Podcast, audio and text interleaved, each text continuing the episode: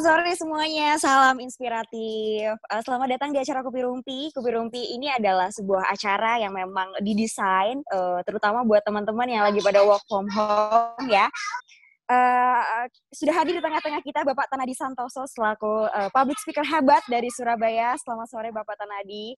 Kemudian ada pembicara kita Bapak Abdul Latif selaku writer, trainer, dan speaker pada sore hari ini. Halo Pak Abdul Latif. Halo Mbak Bapak Dila. Abdul Latif. Ya, uh, senang Pak, sekali. Ya, senang sekali saya bertemu dengan rekan-rekan semua. Terima kasih semuanya, rekan-rekan semua. Uh, saya biasa mulai dengan salam Kupi Rumpi. Kupi Rumpi ini kumpul inspiratif, tidak sekedar ngerumpi. Jadi ini adalah edisi kedua. Kalau sebelumnya kita edisi pertama membahas tentang bekerja berkah, apa dan bagaimana. Kali ini kita akan membahas tentang tiny habit. Change is easy and fun. Uh, Dan uh, minggu depan kita akan mengundang salah seorang psikolog yang juga uh, sangat hebat sekali. Nanti akan sharing bersama kita tentang bagaimana menghadapi anti panik saat pandemik. Tapi kali ini kebetulan kita sudah hadir sekitar 13, tapi rencananya akan ada lagi banyak bergabung bersama kita akan akan menyusul. Nah, sebelum nanti saya akan bercerita tentang uh, tiny habit, uh, saya sungguh uh, terhormat bisa uh, kedatangan seorang uh, master public speaker, uh, guru saya, suhu saya, Bapak Tanadi Santoso. Pak Tanadi Santoso akan jadi keynote speech. Jadi beliau akan memulai sesi kita tentang behavior, tentang perilaku, dan apa saja yang bisa kita lakukan terkait dengan mengubah perilaku kita. Nanti setelah Pak Tanadi Santoso membuka sebagai keynote speech, uh, saya akan coba sharing tentang insight dari buku yang akan saya sharingkan pada rekan-rekan Tiny Habit dan kita berikan applause yang meriah uh, dengan cara uh, kita boleh lambaikan tangan, boleh ngasih reaction atau apa kepada Bapak Tadi Santoso. Silakan Pak San. Oke, thank you Radila. Oke, saya akan sharing 10 menit, saya janji Pak Abdul Latif 10 menit kalau bisa nggak lebih gitu ya. Saya akan sharing beberapa slide ya. Uh, sebetulnya yang saya sharingkan adalah tentang bagaimana kita meng-create good habits ya. Jadi uh, sedikit mirip dengan change, tapi ini adalah discussion about good habits ya. Saya mulai. Jadi ini adalah salah satu grafik yang agak membuat kita kenapa kita tidak suka dengan habit ya. Ada yang disebut dengan the valley of disappointment. Kita itu sering kalau olahraga mau kurus ya, mau kurus badan selama uh, kayak saya yang lakukan ya. Wah tiap kali lari lari lari lari udah lari keras, tapi kok enggak turun-turun lalu bosen. Udah ada gua makan lagi dah gitu. Ini yang disebut valley of disappointment. Jadi kita merasa kecewa karena habit kebiasaan yang kita lakukan itu tidak menghasilkan sesuatu yang kita harapkan, ya. Jadi kita kepingin nih mau kurus badan, olahraga, olahraga, olahraga, sampai 10 hari nggak kurus-kurus sudah berhenti gitu. Kenapa? Karena kita kecewa. Padahal sebenarnya kalau diteruskan selama satu bulan, mungkin akan jadi bagus. Saya mengawali dengan sebuah pemikiran tentang kenapa kita sering susah untuk berubah itu. Nah ini contoh habit saya ya. Saya tidak akan baca terlalu banyak, tapi saya kasih satu contoh aja yang saya suka yaitu nomor 4. Cek agenda setiap malam 5 menit untuk prioritas kerja besok. Jadi untuk lebih dari 10 tahun saya punya kebiasaan ini. Sekarang jujur sudah enggak lagi, tapi sekarang ini ketika kita mulai masa pandemi ini, saya mulai seperti itu lagi. Jadi saya punya agenda yang mana saya selalu mencoba, jadi agendanya kayak gini, saya kebetulan ada di sebelah saya ya. Ini agenda bulanan saya. Jadi ini agenda bulanan saya, ya. Sekarang saya lebih lihat sebulan sekali gitu. Ya.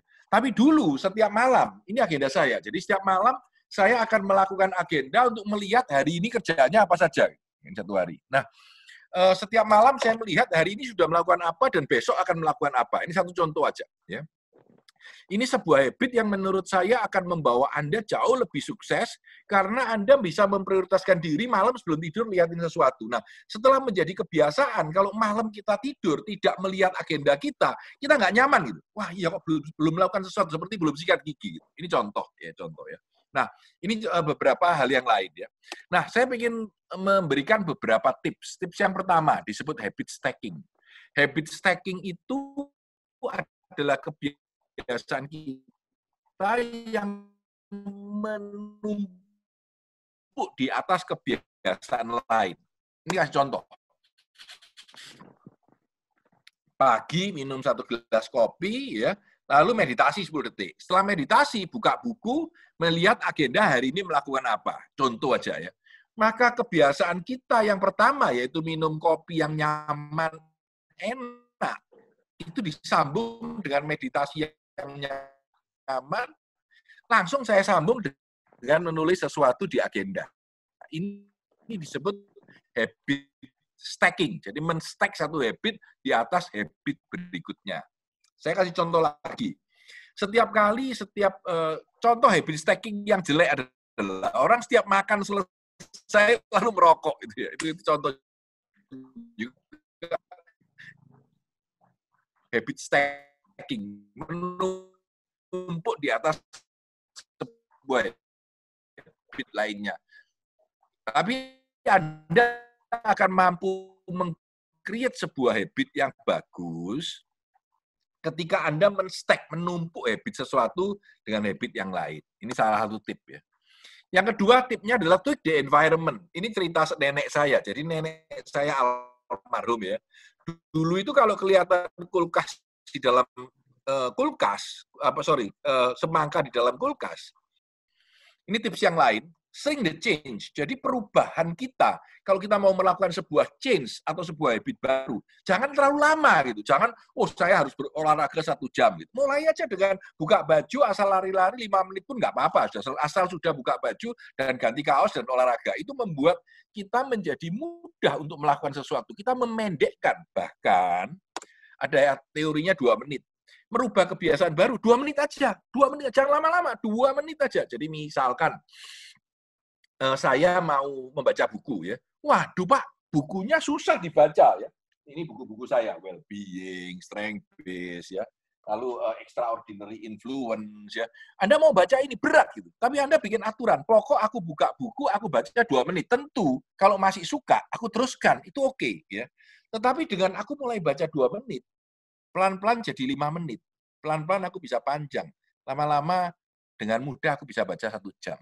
Jadi mulailah dengan sesuatu yang uh, too easy to fail. Ini yang mungkin nanti similar atau sama dengan konsepnya apa yang didiskusikan dengan uh, Abdul Latif ya Mas Abdul Latif. Jadi uh, saya belum baca bukunya, jujur aja yang yang Tiny Chain saya belum baca ya. Nah, ini contoh juga. Kalau Anda lihat dolphin bisa lompat tinggi, itu asalnya naiknya sedikit kasih makan. Naik sedikit lagi kasih makan. Jadi pelan-pelan, nggak bisa kita langsung mau dia lompat di atas dengan adanya api. ya. Kalau bisa, lebih mudah dikasih sesuatu makanan atau benefit daripada dihukum. Nah, ini adalah empat aturan kalau Anda mau membuat sebuah kebiasaan yang baik. ya. Ini dari buku Atomic Habit sebenarnya. Kalau Anda mau mengcreate habit, satu, buatlah itu obvious, kelihatan. Contoh, contoh. Setiap aku datang ke kantor, yang pertama aku lakukan adalah duduk di depan selama 15 menit untuk melihat prioritas apa kerjaku. Jelas ya? Jelas ya? Setiap aku datang ke kantor, aku langsung duduk, aku siapkan 15 menit. Jadi jelas sekali, begitu saya datang tidak melakukan itu, orang lain tahu loh, Pak, Bapak belum ngecek buku Anda 15 menit. Ini membuat itu jelas. Yang kedua, membuat semenarik mungkin. Karena kalau tidak menarik, orang malas melakukannya. Ya, tidak menarik, tidak melakukan. Jadi buatlah habit itu menyenangkan dan menarik untuk kita lakukan ya. Jadi kalau melakukan sesuatu lakukanlah itu menjadi menarik gitu ya. Jadi oh aku kalau melakukan ini senang.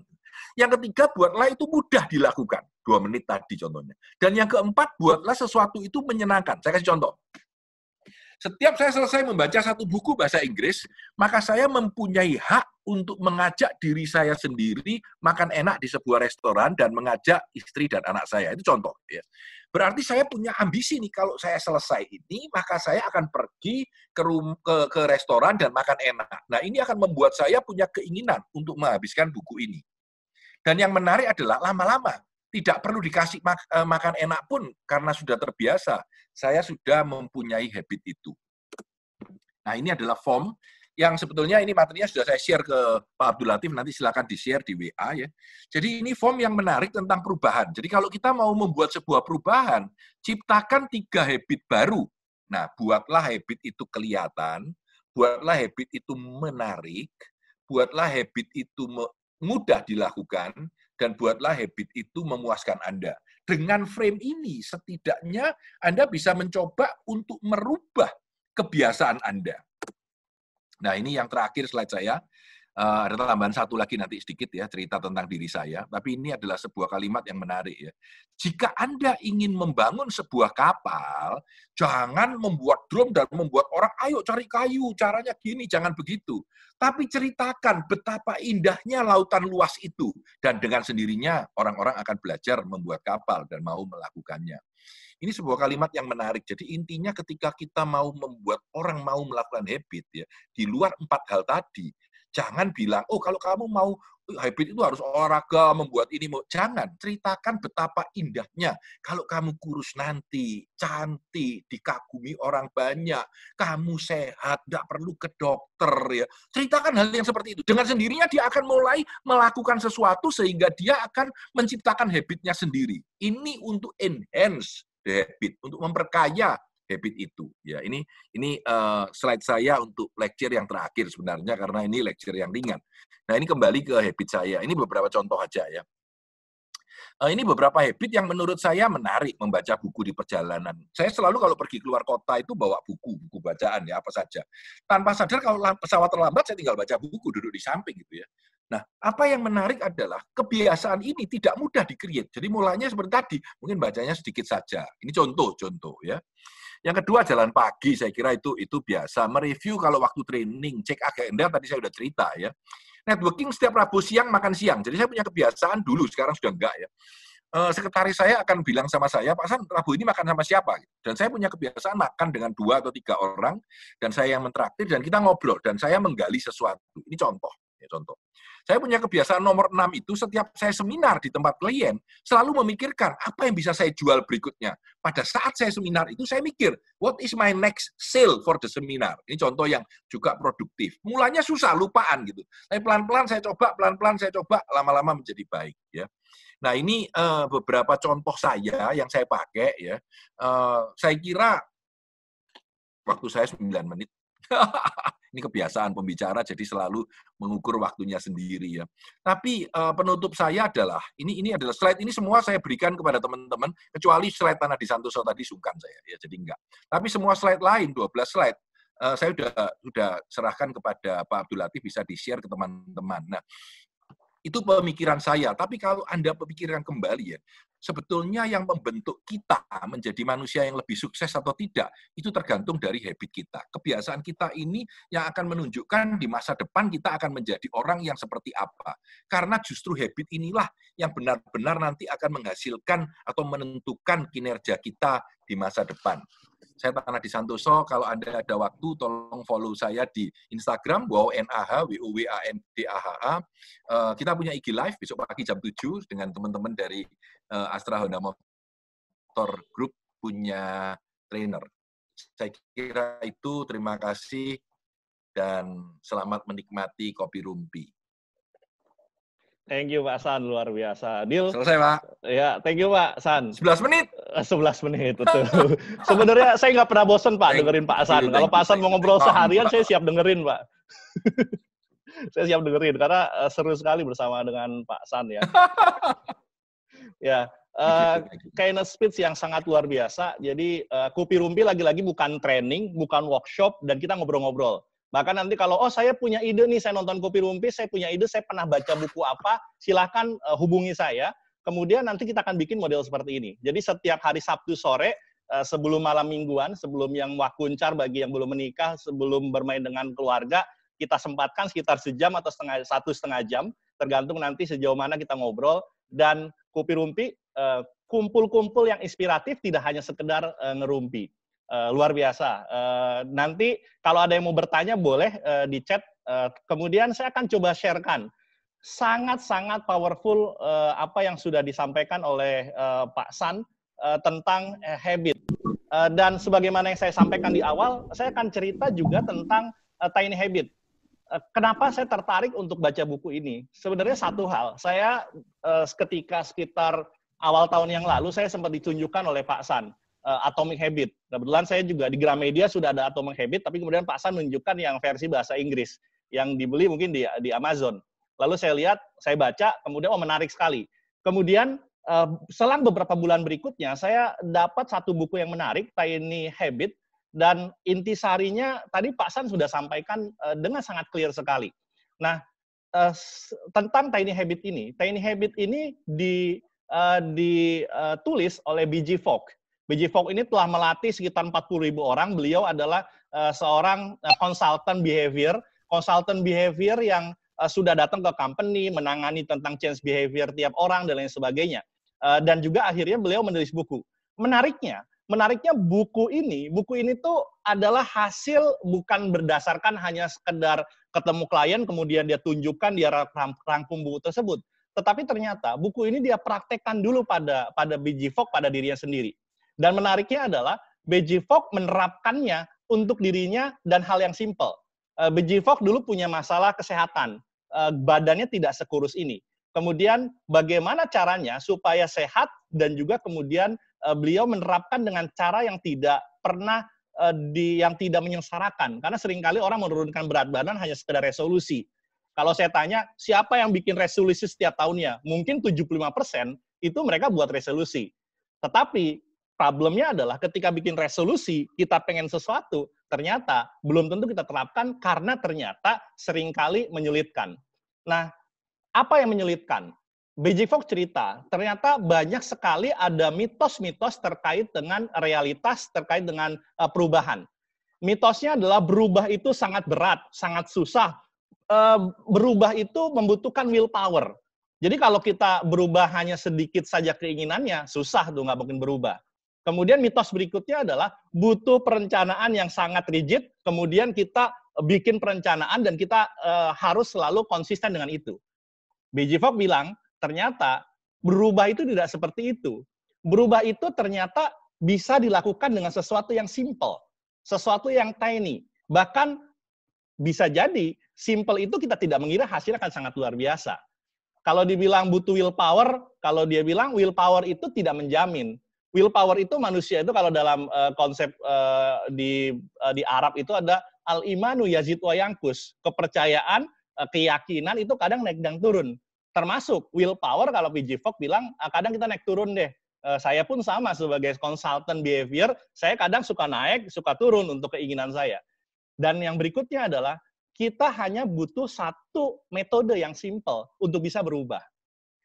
Dan ditekankan adalah change can be easy and fun. Jadi kalau kita mau berubah, perubahannya sangat berat, itu yang mungkin akan membuat kita mundur sebelum berubah. Jadi sebelum kita mundur dengan berubah, kita bikin satu perubahan yang yang tiny saja, yang kecil-kecil saja. Tiny is mighty. Mungkin tidak mengira hasilnya bakal luar biasa, tapi hasilnya bakal luar biasa. Tiny is fast. Kenapa butuh tiny? Karena dengan tiny kita bisa fast. Dengan suatu yang kecil bisa cepat.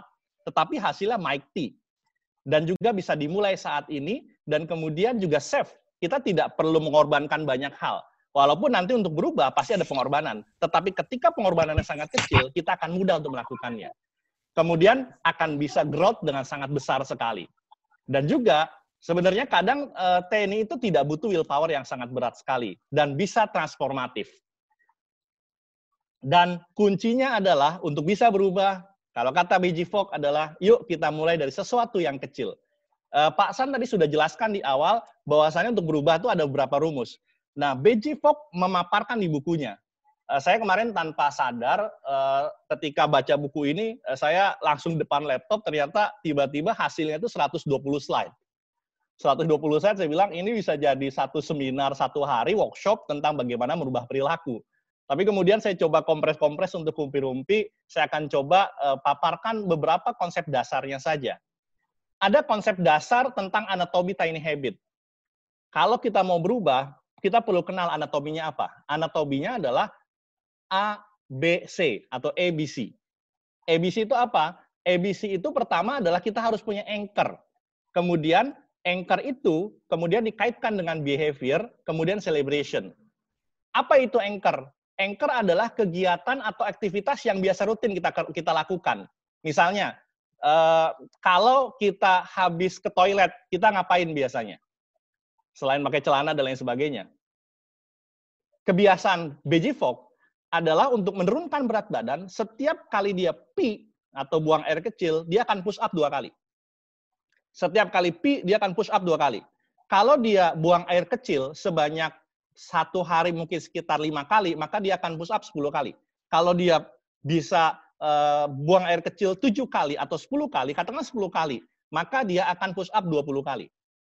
Dan dia akan coba kaitkan apa uh, sebelum uh, setelah saya akan setelah kencing saya ngapain? Setelah ngapain ada celebration. Jadi ABC. Anchornya adalah kegiatan yang kita lakukan sebelumnya, dikaitkan dengan new behavior atau new tiny habit yang kita mau lakukan, lalu kita lakukan celebration. Ini adalah tools yang sangat sederhana yang bisa teman-teman manfaatkan. Ini adalah uh, form atau tools yang biasa dimanfaatkan. Simpelnya adalah apa? Contoh, setelah saya apa, saya akan ngapain? Setelah saya brush teeth, saya akan melakukan apa? Floss one teeth. Jadi setelah saya gosok gigi, saya akan membenangkan uh, atau me membersihkan gigi saya satu dengan benang. Kemudian setelah itu apa? Saya akan tersenyum lebar menghadap cermin dan itu adalah kebiasaan saya lakukan setiap hari. Biji Fok uh, membuat ratusan contoh uh, untuk kalau teman-teman baca nanti ratusan contoh untuk segala macam jenis tiny habit. Apa misalnya? Kalau teman-teman sebagai new manager, sebagai new manager, contoh-contoh tiny habitnya apa? Misalnya, ketika pertama kali datang ketemu orang, setiap bertemu orang senyum setiap bertemu orang senyum, setiap bertemu orang senyum, selalu seperti itu. Jadi uh, anchor-nya adalah ketika bertemu orang, I will-nya apa? I will-nya adalah saya akan tersenyum. Lalu kemudian apa? Senyum saya akan lebih lebar misalkan. Uh, untuk jadi new manager ada banyak ada banyak contoh tiny habit-nya. Untuk menjadi new employee akan ada banyak tiny habit-nya. Mungkin saat itu uh, BJ Fogg belum kena work from home. Jadi beliau belum bikin satu contoh-contoh tiny habit untuk work from home. Nah teman-teman bisa bikin itu. Contoh, sebelum saya buka laptop, saya harus pakai pakaian yang rapi. Mungkin itu salah satu tiny habit yang bisa kita lakukan. Sebelum saya uh, buka laptop, Anda nyiapkan apa dulu? Itu bisa seperti itu. Setelah saya buka laptop, Anda akan melakukan apa? Itu adalah contoh simpelnya. Nah, uh, ini adalah contoh yang dilakukan oleh uh, BG Fogg. Setelah saya pi, saya akan push up dua kali. Dan saya akan bilang, uh, saya sangat suka ini. Saya lakukan terus-menerus. After I-nya adalah anchor, I will adalah new habit. New habit itu akan membentuk new habit, lalu celebration. Anchor, tiny behavior, lalu kemudian celebration.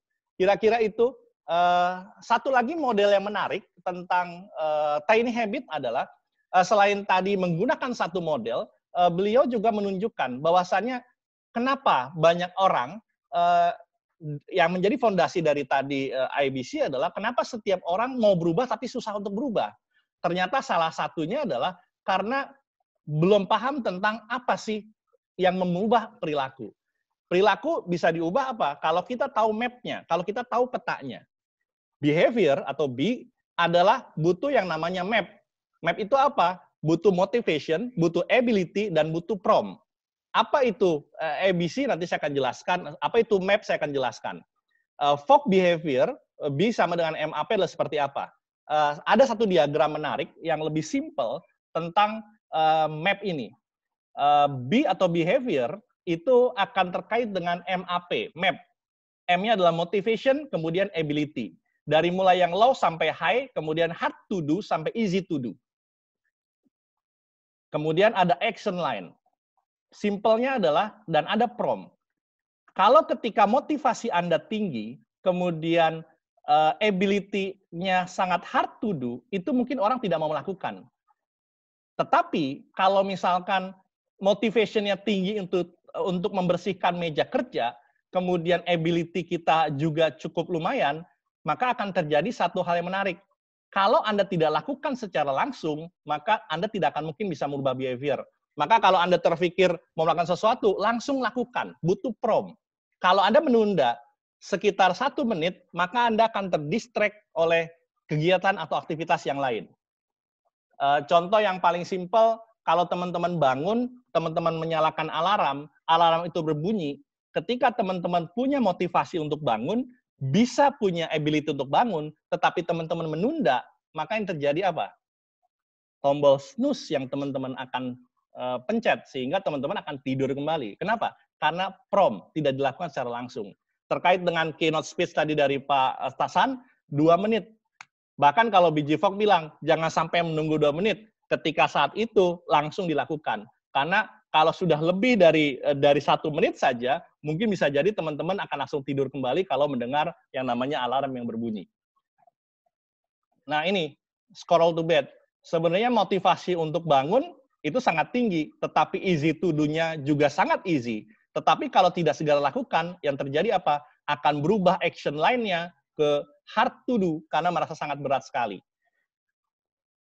Nah, eh, contoh hal lainnya adalah melindungi anak kita. Melindungi anak kita itu motivasi tinggi, tetapi hard to do. Tetapi kalau dilakukan terus-menerus eh, dengan hal yang simple, dibagi dengan aktivitas-aktivitas kecil, maka misalnya ketika anak bermain, saya akan berada jarak 3 km apa 3 meter atau 2 meter misalnya.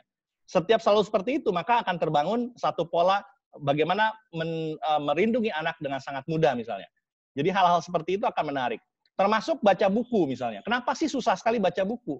Karena kita pengen baca buku dengan sangat banyak sekali motivasinya rendah, kalau baca buku kan sering kali, ah, saya motivasi untuk baca buku rendah. Kemudian Anda anggap baca buku sesuatu yang berat. Susah sekali, pasti akan susah untuk dilakukan. Tetapi ketika kita bilang, oke okay, kita mau baca buku, tapi kan baca buku saya tidak terlalu tertarik. Cukup baca dulu covernya, kata pengantar dulu. Sehingga easy to do untuk dilakukan, teman-teman akan mudah untuk melakukannya. Jadi cari sesuatu yang kalau motivasinya rendah, diimbangin dengan sesuatu yang sangat mudah saja dulu. Kalau motivasi tinggi pun sama, imbangin dengan uh, aktivitas yang lebih simple. Lama-kelamaan nanti sesuatu yang berat akan menjadi lebih ringan, lebih ringan, lebih ringan. Tadi Pasan kasih contoh, baca buku, satu buku, susah. Tetapi kalau kita baca buku, kita baca lima lembar setiap hari, kemudian besoknya lima lembar, besoknya lima lembar, sebelum tidur lima lembar, sebelum tidur lima lembar, sebelum tidur lima lembar, lama kelamaan kita mungkin tidak bisa tidur sebelum baca 10 lembar atau satu buku. Bisa jadi seperti itu. Jadi akan akan menjadi kegiatan uh, kalau ada istilah tuh muscle, uh, ability muscle, uh, power muscle. Jadi kita akan terbentuk otot kita untuk melakukan sesuatu dengan mudah, walaupun dulunya kita awalnya susah. Atau kalau dibilang ada uh, melin, uh, otot juga, otot kemampuan kita. Kemudian dari situ, uh, maka kalau Anda mau sukses, kalau kata BG Fogg, maka Anda harus segera. POM itu adalah jangan menunda, segera lakukan. Semudah apa pun activity, kalau Anda tidak punya prom, promnya di sini nih, maka Anda akan menghadapi failed. Anda akan menghadapi failed, kegagalan. Tapi sesusah apa pun, kalau Anda langsung lakukan, akan sangat mudah sekali Anda lakukan. Dan lagi-lagi uh, eh, BJ Fogg bilang ternyata kalau kita mau berubah, kita membutuhkan yang namanya panggilan dalam diri, kemudian konteks motivasi dari luar, dan juga action kita untuk kita lakukan. Kira-kira itu uh, ada banyak sekali yang yang yang dilakukan, tapi uh, kalau kata BJ Fogg, kalau kita mau uh, melakukan ABC tadi, kita pilih apa aktivitas yang mau kita lakukan, kemudian mendesain tiny habitnya dengan sangat kita pilih apa yang kita lakukan setelah kita melakukan sesuatu, dan selebrasinya seperti apa. Kalau pasan tadi selebrasinya makan-makan, selebrasinya apa? Eh, teman-teman kalau ah saya kan nggak bisa punya uh, uang atau nggak bisa selalu mengeluarkan uang untuk makan-makan. Teman-teman bisa lakukan dengan senyum, dengan melakukan aktivitas misalkan melompat atau bilang yes atau bilang wow atau bilang hore dan lain sebagainya. Kenapa perlu yang namanya celebration? Karena dengan celebration itu teman-teman telah menanamkan satu chip dalam otak teman-teman ketika melakukan sesuatu yang kecil ini, ternyata saya bahagia dan akan berkali lipat kebahagiaan saya karena melakukan hal tersebut. Kira-kira itu yang uh, saya mau sharekan. Dan yang terakhir adalah kalau BG Fogg bilang, uh, ternyata uh, behavior itu bisa sequence. Sequence-nya apa? Kalau Anda lakukan-lakukan terus, lakukan terus, akan terbentuk habit yang baru. Dan menariknya adalah habit baru tersebut akan memunculkan yang namanya apa? Ini yang menarik seperti ibarat sebuah uh, pohon, habit itu akan bertumbuh menjadi pohon yang besar.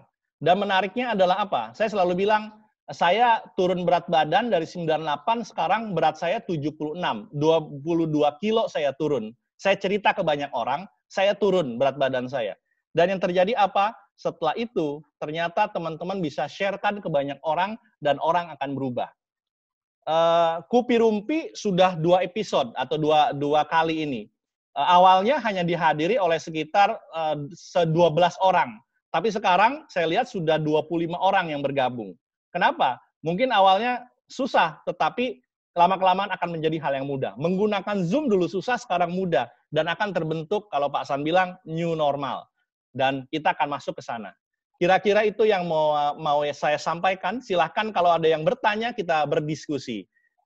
Seperti itu, Mbak Dila. Pak San dan kawan-kawan. Oke, okay, terima kasih uh, Bapak Abdul Latif dan uh, Pak Tanadi tadi ya yang di awal sempat sharing uh, 10 sampai 11 menit tentang change behavior. Mungkin teman-teman yang mau tanya bisa langsung lewat chat atau mungkin bisa di-unmute gitu ya. Langsung tanya aja mumpung lagi ada Bapak Abdul Latif karena di Kopi Rumpi ini sekali lagi uh, kita lebih sharing, kita lebih ngobrol fun gitu ya. Tapi ngobrolnya juga yang lebih bermanfaat. Dan dan hari ini kita bahas tentang tiny habit.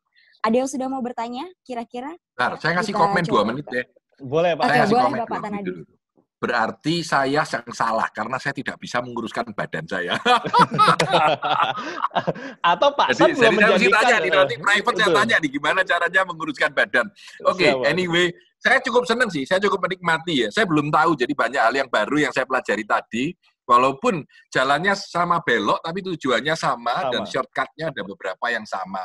Jadi saya kira cukup menarik. Lain kali saya kelihatan bukunya saya beli juga, saya lihat comparison. Tapi cukup menarik, Pak, cukup menarik. Ada beberapa poin yang itu tadi habit stackingnya berubah dengan model seperti itu. Betul. Jadi saya lihat memang tujuannya sama, caranya kurang lebih sama, cuma ini pakai teori A, ini teori B. Tapi cukup bagus sih, Pak. Terima kasih, Pak, sharingnya.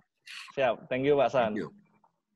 Oke, okay, uh, eh, sepertinya di partisipan kita ada yang sudah mengangkat tangan. Uh, yeah. Mas Boni, silakan Mas, Mas Boni. Boni kalau ingin berbicara. Thank you Pak Latif, thank you Pak Latif, keren banget sharingnya Pak. Ini ini behavior ini masalah kita bersama nih Pak. Betul. Karena uh, ya teori, skill dan knowledge dan sebagainya kan banyak yang tahu lah Pak ilmunya gitu. Apalagi soal soal ngurusin badan nih, nih Pak. Nah, saya juga. Terkadang kita itu semangat di awal Pak Latif. Nah saya mau tanya nih Pak, uh, biar kita itu bisa konsisten dan bisa menciptakan lingkungan yang juga mendukung kita nih Pak. Gimana ya Pak ya baiknya ya Pak ya? Biar kita juga kan e, butuh waktu ya Pak ya, bukan habit langsung jadi ya. Nah, gimana menciptakan sekelilingnya yang juga mensupport kita tuh Pak? Oke, itu siap. Pak. Thank you uh, Mas uh, Boni. Uh, menarik uh, Tiny Habit bilang, si uh, BG Fogg bilang men, uh, dia punya satu simple uh, yang menarik nih. Uh, untuk berubah, kita harus punya namanya ability change. Ability change itu adalah kita harus punya waktu. Mungkin Pak San waktunya baca buku. Jadi untuk menguruskan badan, Pak San mungkin tidak punya waktu. Sehingga itu nggak berhasil. punya uang, Pak San mungkin punya uang untuk beli ramuan sebesar besar apa pun. Tapi mungkin karena uangnya selama ini dialihkan buat beli buku. Physical effort uh, juga sama, uh, butuh uh, sesuatu walaupun mungkin kecil push up dua kali setelah pi atau setelah buang air kecil itu butuh physical effort.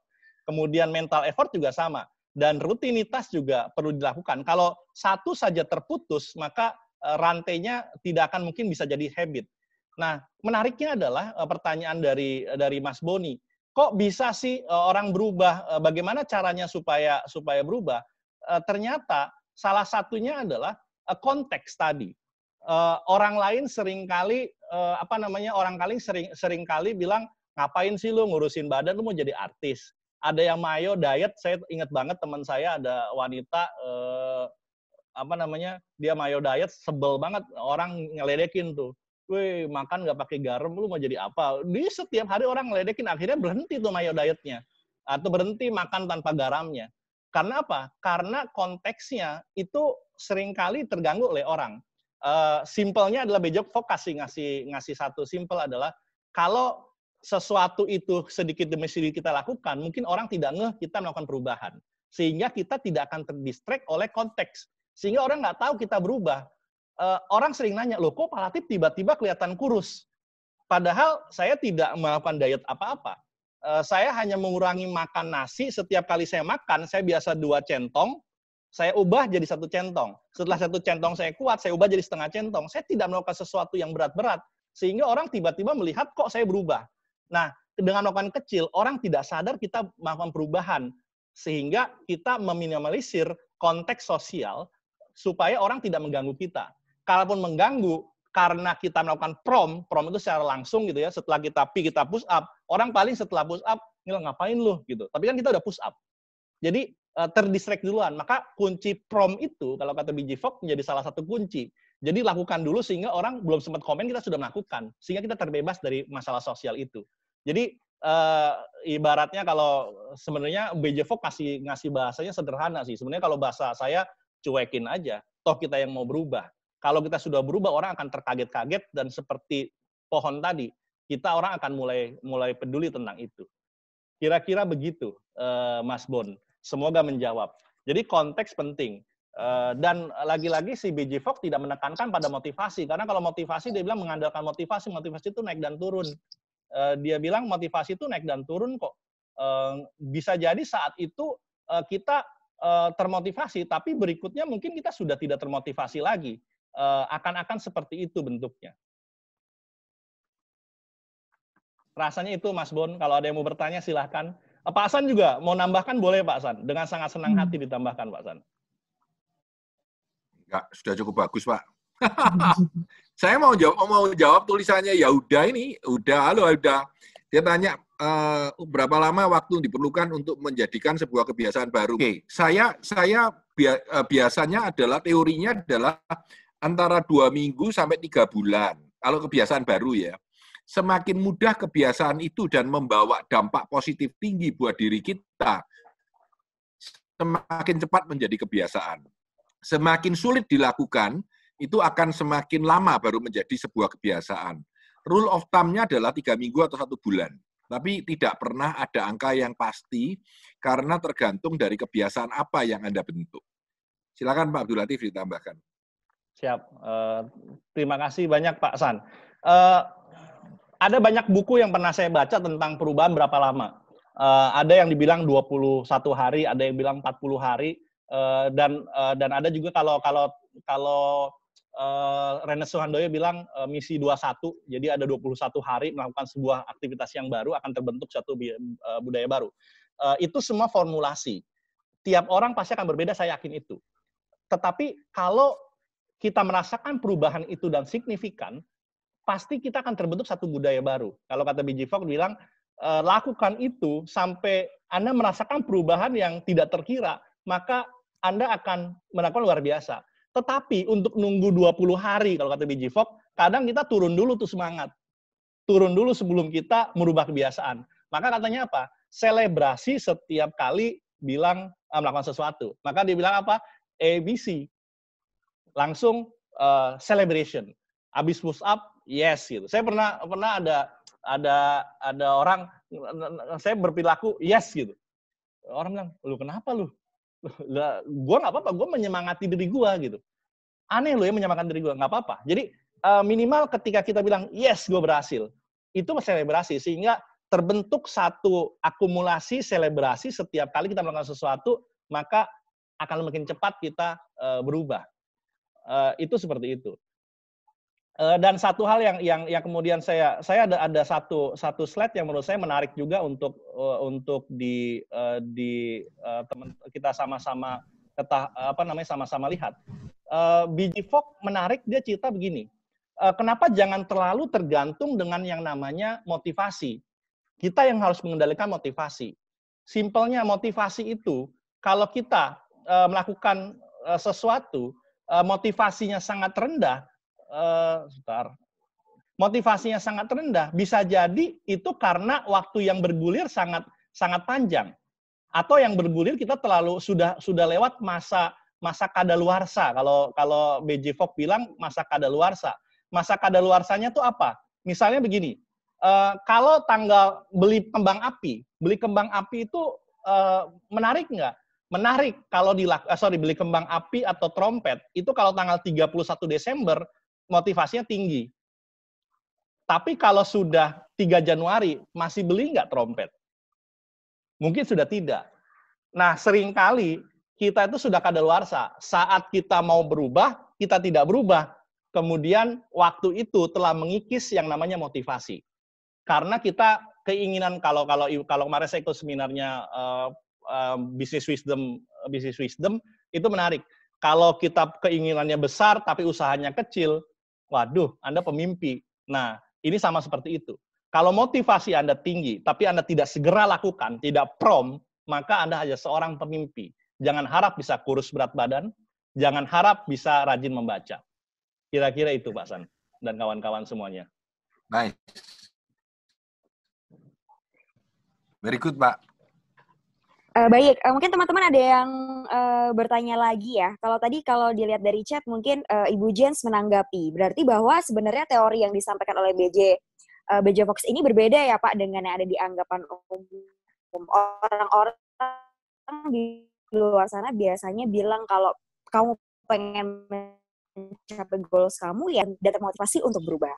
Uh, tapi kalau uh, kalau si BJ Fox tadi bilang ya Pak, ketika kamu kemauannya tinggi, terus kamu juga konsisten untuk melakukan itu, uh, isi tuduhnya juga ya udah uh, itu pasti akan berjalan dengan baik. Ada yang mau bertanya lagi mungkin Pak uh, atau ibu-ibu yang ada di chat mungkin bisa langsung tanya. Kalau misalnya belum ada yang bertanya, mungkin saya mau tanya ya Pak Latif. Silakan, Pak, silakan. Uh, kalau BJ Fox tadi bilang ketika kemauan kamu besar, kemudian ability-nya juga isi to do gitu. Kalau tidak konsisten dilakukan bagaimana Pak? Apakah itu akan membantu kita untuk lebih mudah change behavior atau itu akan menunda diri kita kalau kita tidak uh, apa uh, konsisten? Begitu Pak Latif. Ya, kalau ibarat uh, ibarat tidak konsisten begini, uh, BJ Fogg bilang kebiasaan itu seperti seperti pohon tadi. Uh, pohon kalau kita siram, kita pupuk, lama-kelamaan dia akan tumbuh dengan baik. Jadi keberhasilan itu pohon akan tumbuh atau tidak tergantung dari kita merawat pohon itu.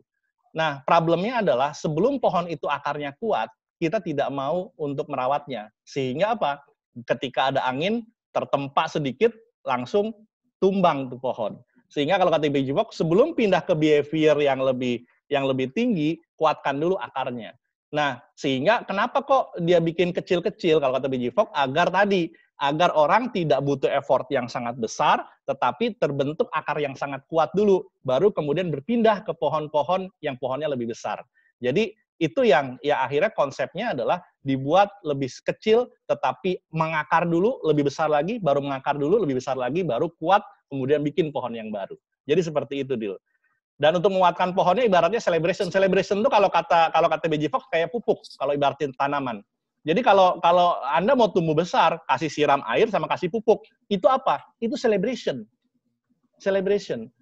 Uh, Pak, saya mau baca buku nih, tapi baca bukunya uh, kemudian uh, saya malas baca buku. Uh, nggak usah malas-malas baca buku.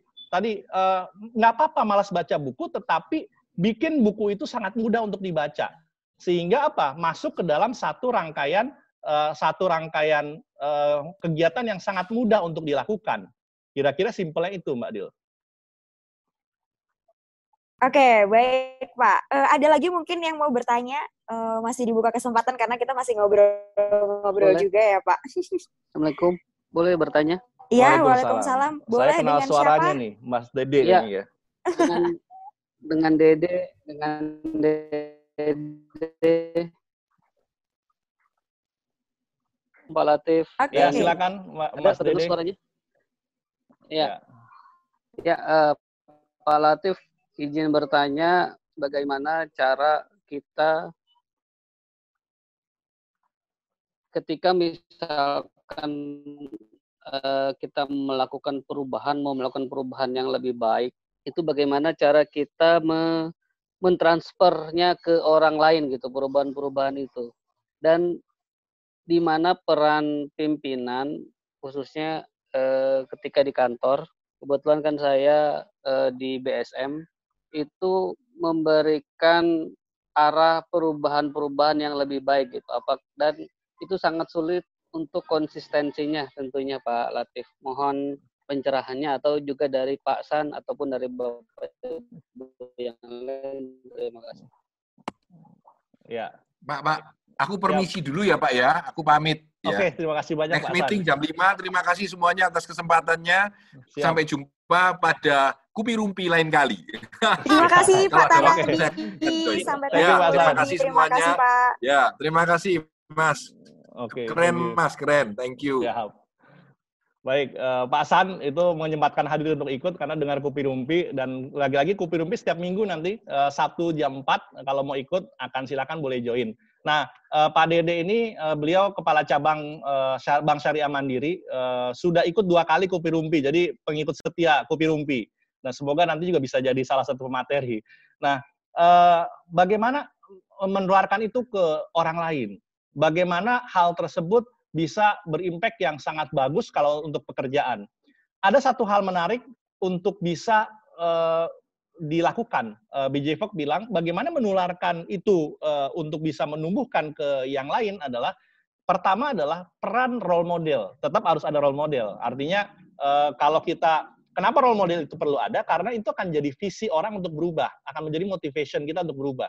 Jadi kalau misalkan Anda sebagai pimpinan, maka berubah dulu diri Anda. Anda membuat orang tersenyum, senyum dulu gitu. Uh, dia bilang maka maka ada panduan untuk manajer, dia bilang untuk panduan new manager atau panduan manajer, misalkan apa nih yang jadi uh, yang jadi problem Anda yang berat. Nah, saya akan uh, menariknya adalah saya akan coba bikin satu formulasi simple, uh, temukan dulu apa yang menjadi problem untuk diubah. Saya akan sharekan satu satu satu uh, apa namanya uh, model menarik untuk uh, TNI Habit. Kalau anda mau mengubah, jangan ubah semuanya, tapi pilih yang mau diubah. Pilih yang mau diubah apa? Kita harus menemukan satu formulasi perubahan apa yang mau kita ubah. Uh, kita pilih. Uh, saya share pada teman-teman semua materinya. Share screen, chain, oke. Okay. Ini dia sudah masuk ya materinya. Uh, ada impact behavior yang high impact behavior, ada low impact behavior. Kalau uh, Mas Dede mau mengubah, apa nih yang mau diubah? Fokus dulu. Maka yang bisa diubah adalah kalau kata BG Fox, temukan golden behavior in this corner. Apa itu golden behavior? Kira-kira yang high impact buat perusahaan atau buat pekerjaan kita dan juga kira-kira orang lain atau saya bisa melakukannya uh, pilih tuh. Uh, Mas Dede misalkan uh, mau ah apa nih yang yang yang yang mau saya ubah? Jadi jangan diubah semuanya Pak Dede. Uh, dia bilang kalau anda jadi manajer baru ubah dulu diri anda dengan apa? Senyum kepada semua orang. Ketemu orang senyum ketemu orang senyum ketemu orang senyum. Selanjutnya apa? Uh, kalau mau meeting ada tiny habit buat meeting. Ketika meeting jadi fokus pada satu perilaku. Misalkan uh, Mas Dede menemukan ini kok kurang ramah di, di tempat saya di BSM misalnya. Maka ubah dulu uh, senyum. Misalkan caranya apa? Setiap uh, setiap kumpul pagi mereka studi, uh, coba untuk dikasih satu aktivitas yang menarik, yang fun, sehingga mereka tertawa. Sehingga lama kelamaan tertawa atau tersenyum menjadi satu habit yang yang baik, yang orang mau melakukan, mudah dilakukan dan impact-nya besar.